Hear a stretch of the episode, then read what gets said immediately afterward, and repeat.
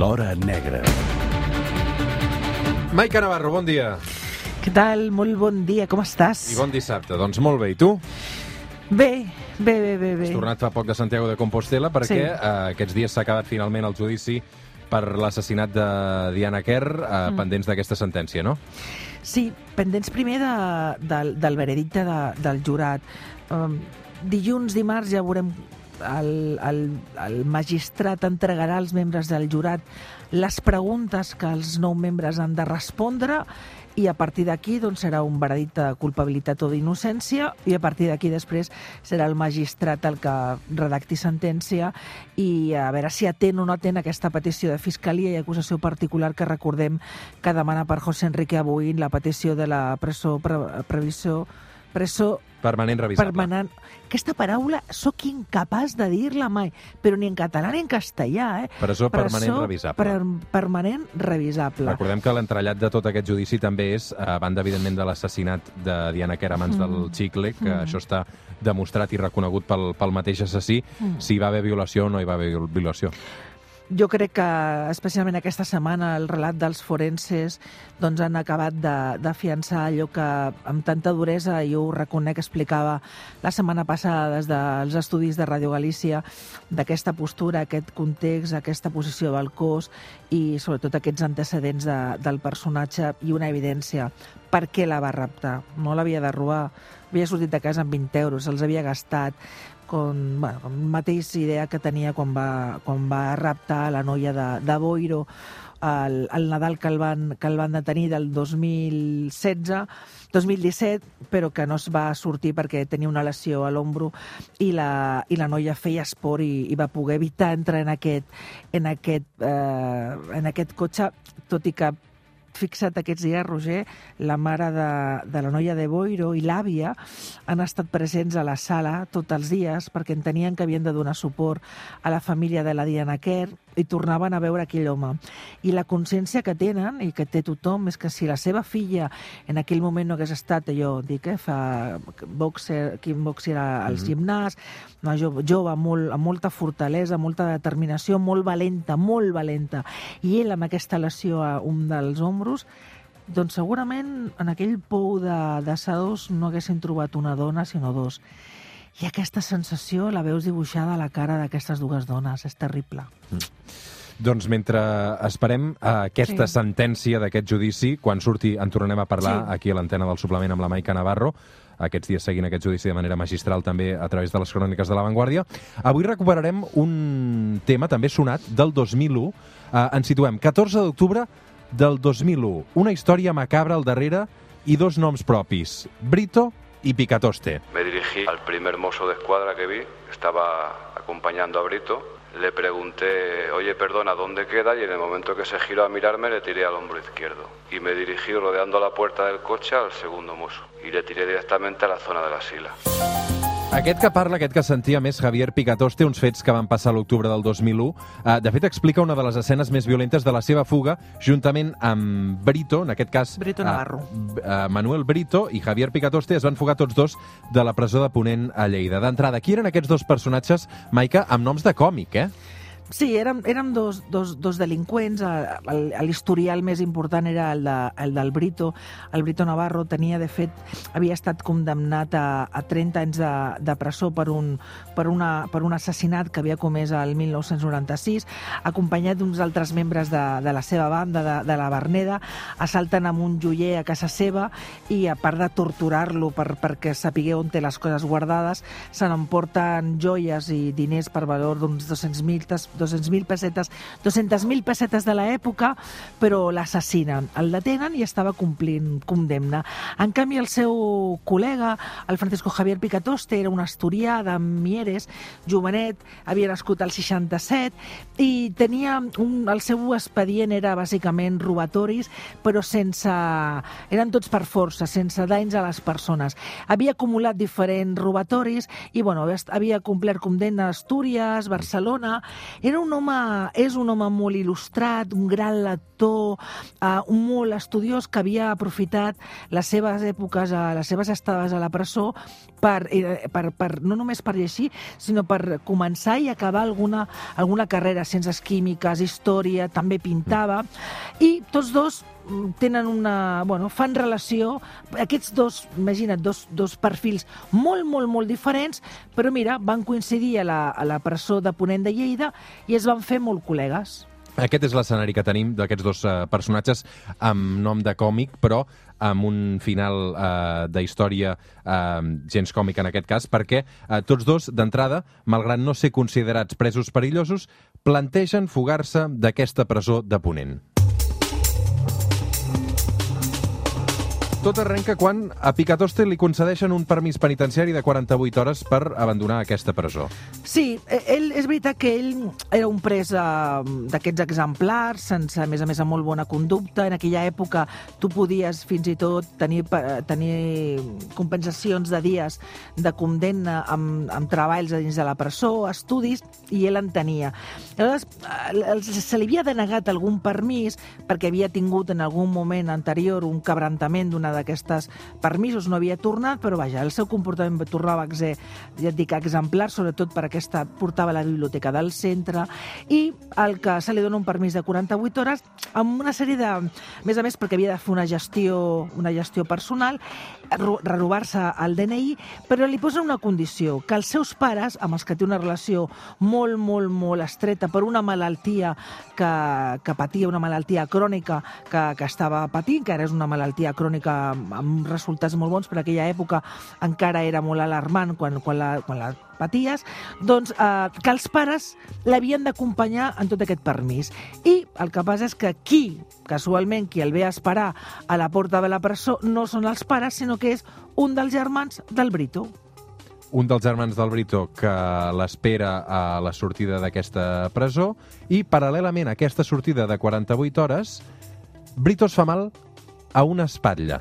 Sí, el, el Picatoste mm, no només surt d'aquest aquest permís de 48 hores, no retorna a les 48 hores com estava previst i, en paral·lel, com deies, el Brito es fa mal, o sigui, eh, simula que cau per les escales del centre penitenciari, el porten a infermeria, i es decideix a traslladar-lo a l'Hospital Arnau de, de Vilanova a fer-li unes plaques i una revisió i l'envien cap allà.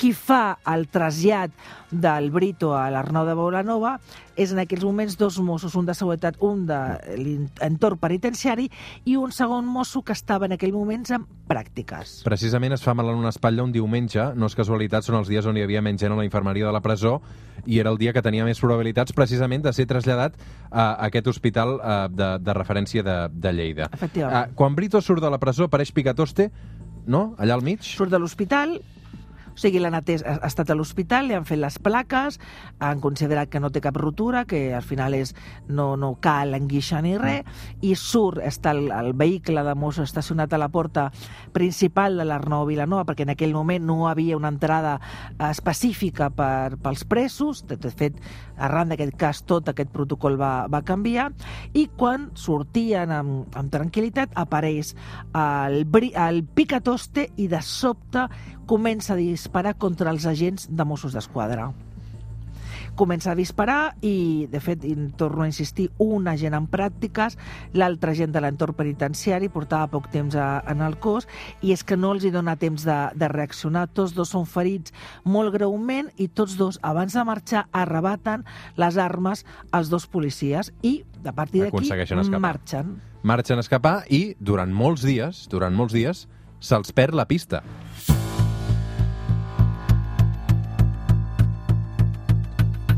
Els dies passen, però la policia continua sense tenir pista d'on s'han escapat aquests dos fugitius. S'havien esfumat sense deixar rastre, pràcticament, no, Maica?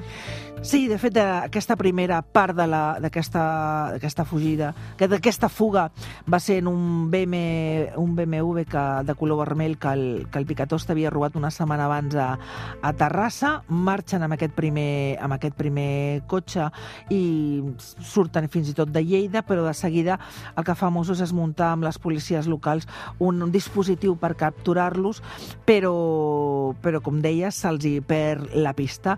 En qualsevol cas, en mesura que, mentre, o sigui, els, al mateix temps que se'ls buscava, es tenen notícies hospitaleres de l'estat d'aquests dos Mossos d'Esquadra, especialment d'un que estava herit de, ferit de molta gravetat i, i fins i tot en un primer moment s'arriba a tema per la, per la seva vida. Per tant, es prioritza la seva recerca perquè són tots dos, passen ja a ser perillosos, molt perillosos, van armats i com havien, descobert, com havien demostrat a la porta de l'Hospital Arnau de Vilanova no tenien cap inconvenient en disparar si alguna vegada, eh, si algú es posava posava en el seu camí. També, en es movien moment, a peu en aquesta fuga? El primer tram el fan amb, amb vehicle, ells sabien perfectament que trigaria poc els investigadors en descobrir en quin cotxe havien fugit i el que fan és l'abandonen i comença a partir d'aquí una, una fuga a peu. Ells el que feien era caminar per les per les nits, dormir amagats de dia i evitar, evitar tota qualsevol nucli habitable i es movien, bueno, van traçar una ruta amb, amb absolutament... quin objectiu? És a dir, quin, el pla de fuga, eh, què era? Marxar, de, marxar tenien, del país? Ells tenien un pla de fuga en el qual, que a més va ser important per la seva localització, en el que van participar a diferents, un grup de delinqüents de, del barri de la Trinitat, que eren antics coneguts de, del Brito i que estaven i que els hi van, i que el mediador amb ells era el germà de, del Brito, i el que havien planificat era, bé, sortien en aquesta fuga i donaven, havien de cometre diferents pals, dif, uns, unes, tot un seguit d'atracaments i sobretot un pla molt important era segrestar el fill d'un empresari del Baix Llobregat eh, que el seu fill assistiria a un partit de futbol eh, per la zona del, de, del Baix Llobregat i el segrestarien. Ells sabien que aquest empresari del sector de, dels vehicles tenia un, tenia un important concessionari de vehicles, tenia caixa en efectiu i amb aquests diners la idea de tots dos era fugir a Amèrica Latina. Però aquest era el plan, aconseguir diners amb aquests atracaments i amb, el, i amb aquest segrest, aconseguir aquests diners i fotre el camp a Amèrica Latina però... El pla mai va aconseguir uh, executar-se com a tal, el que no. passa és que, clar, uh, la policia, amb aquest desplegament importantíssim um, i aquest cos de seguretat volcat en trobar aquesta parella de fugitius, uh, finalment ho va aconseguir, van passar molts dies, Maica, uh, com va ser aquesta captura? Perquè abans de capturar-los també també van passar altres tragèdies, no? Sí, quan portaven gairebé un mes de, de fuga, el 13, el 13 de novembre, ells s'imaginen, ja han arribat a peu fins a Coll Collserola, o sigui, imagineu-vos la eh? distància eh? a Collserola, o sigui, gairebé han, han passat gairebé, ja et dic, un mes, amb aquestes... A més, tots dos estaven amb, amb una... S'havien preparat físicament a la presó per planificar aquesta, aquest plan i el que arriben a la conclusió és que són conscients, perquè a més a més tenen una ràdio portàtil que van seguint les, uh, les informacions que s'estan donant per ràdio, segurament també escoltaven davant segur aquesta, aquesta emissora, per saber per on es movien uh, els investigadors, per on es movien els Mossos d'Esquadra i les policies locals. En aquell moment Mossos d'Esquadra estava treballant, feia com una... Havia com dos, com dos equips.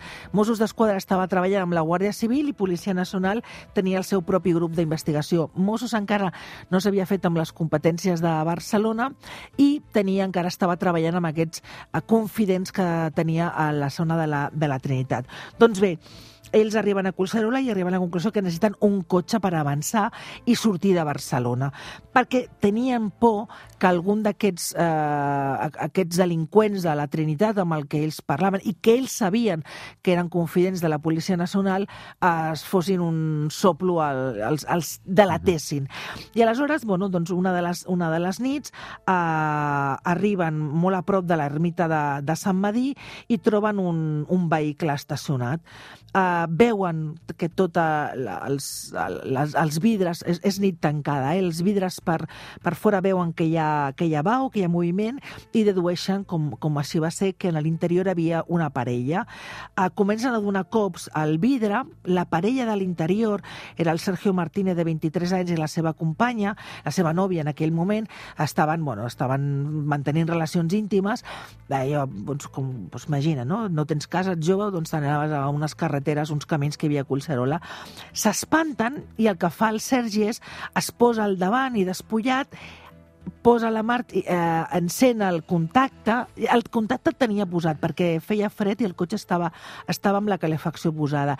Treu la, el fre, posa primer per intentar avançar i el que fa el Brito, que està a la seva alçada, és comença a disparar. Comença a disparar, les bales impacten, travessen la, la carrosseria del, del vehicle, el Picatoste des de l'altra finestra comença a cridar a la noia que obri, que obri, que obri. Ella s'espanta des de darrere, obre i al moment que obre la porta del, del conductor cau el cos de, del Sergio, entren tots dos a l'interior del vehicle i imaginen l'escena de la noia al darrere despullada absolutament amb atemorida i no es preocupen de saber com està el, el Sergio, l'abandonen, encenen el cotxe i comencen a, a, a circular. El Picatosta li dona, li entrega la roba a la noia al darrere perquè es vesteixi, li diu que estigui tranquil·la, que avançaran uns metres i que la deixaran anar.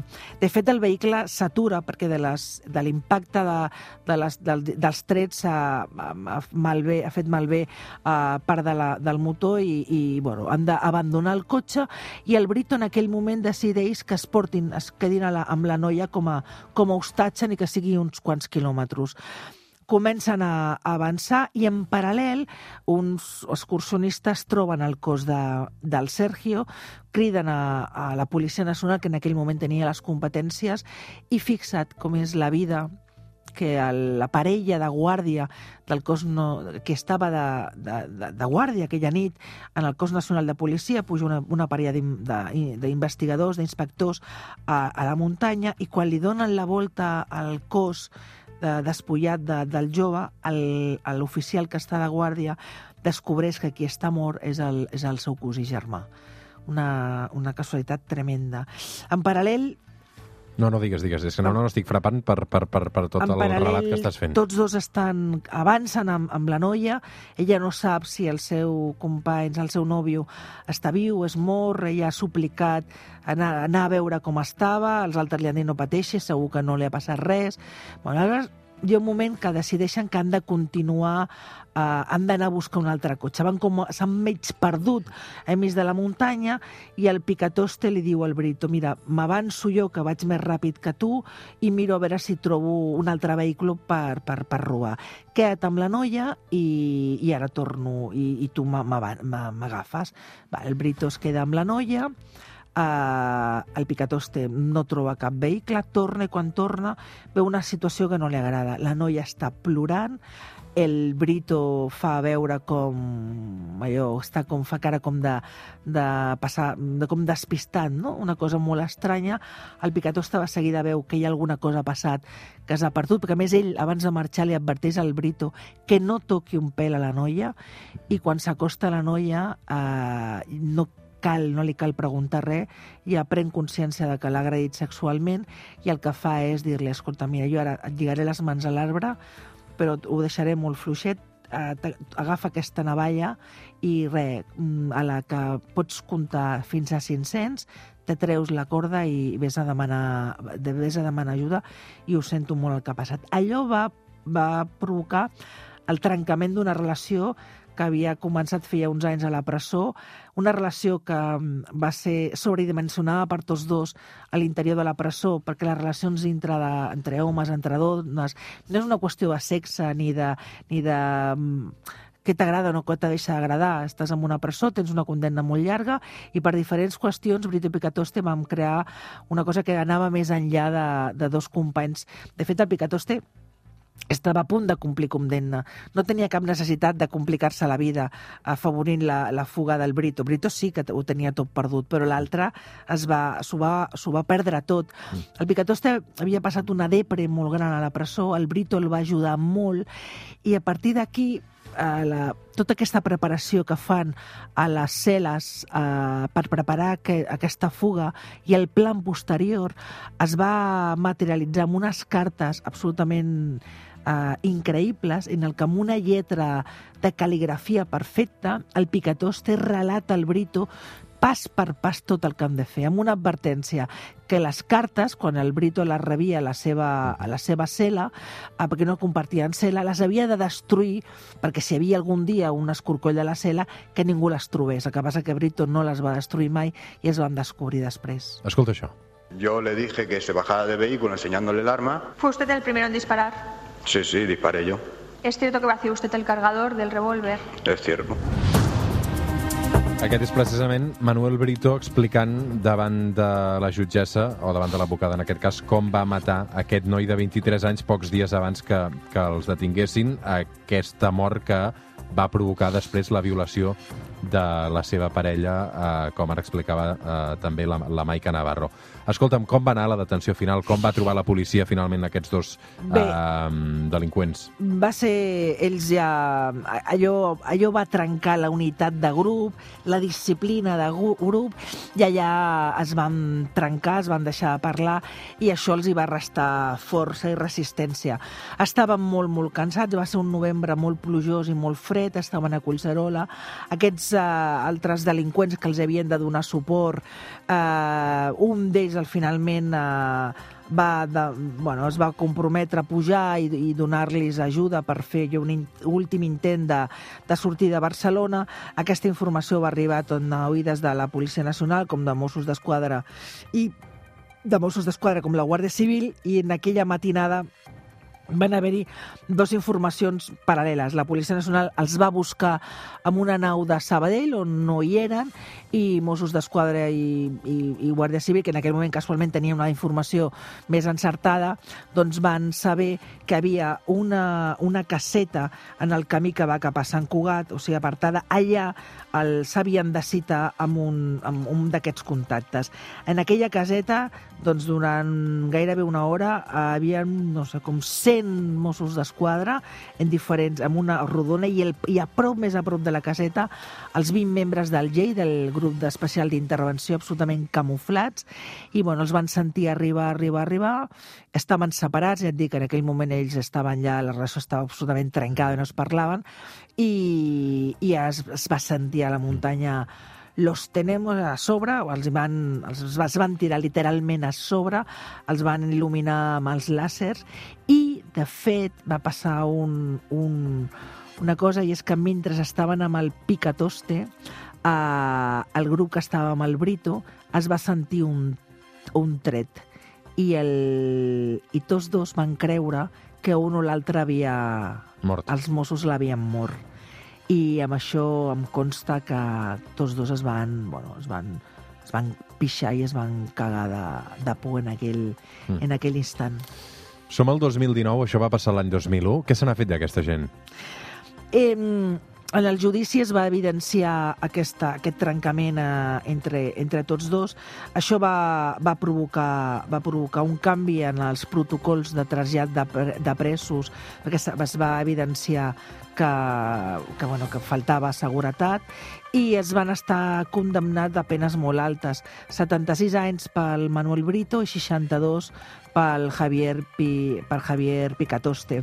Continuen uh, a la presó, entenc, tots dos. Sí, fa uns anys es va tornar a descobrir que el Brito va tornar a participar en un altre intent de, de fuga Carai. amb, Brians 2, però la, va intentar emular allò que va fer amb el Picatoste, d'anar redactant-ho tot amb aquesta pressió, però no li va sortir. Fixa't que en aquestes cartes que et dic, el, per, el Picatoste va elaborar, va fabricar, Roger, un, un idioma, o sigui, un, un alfabet eh, amb signes que el Brito havia de memoritzar per en cas de que els intervinguessin les cartes, eh, els, el, els funcionaris de presons no identifiquessin els missatges que, que es donaven entre ells. El Brito li deia, es deien, eh, un, un l'altre li deia mi lobo i l'altre mi duende eh, Brito li deia mi duende a Picatoste, Picatoste mi lobo a, a l'altre. Um, va canviar el reglament, com et deia també, el, el Xavier Murillo uh, va quedar paraplègic per culpa de, de, dels trets, com estava en pràctiques, doncs va, va quedar expulsat de, del, del cos i també, gràcies a la seva lluita, això va provocar que, que se li va readmetre finalment i es va canviar el reglament en aquests casos i finalment la Generalitat també el va, el va indemnitzar, indemnitzar tant a ell com a, com a la víctima de la violació i a la família de, del noi assassinat. Avui amb la Maica Navarro hem recuperat aquest cas sonat de l'any 2001, aquesta fuga d'aquesta presó de Ponent de Brito i Picatoste, aquests dos cognoms tan estranys. Maica Navarro, moltes gràcies per aquest relat fantàstic un dissabte més. Vinga, una abraçada. Content de tenir-te sempre al suplement. Igualment. Fem una pausa i tornem. Fins ara.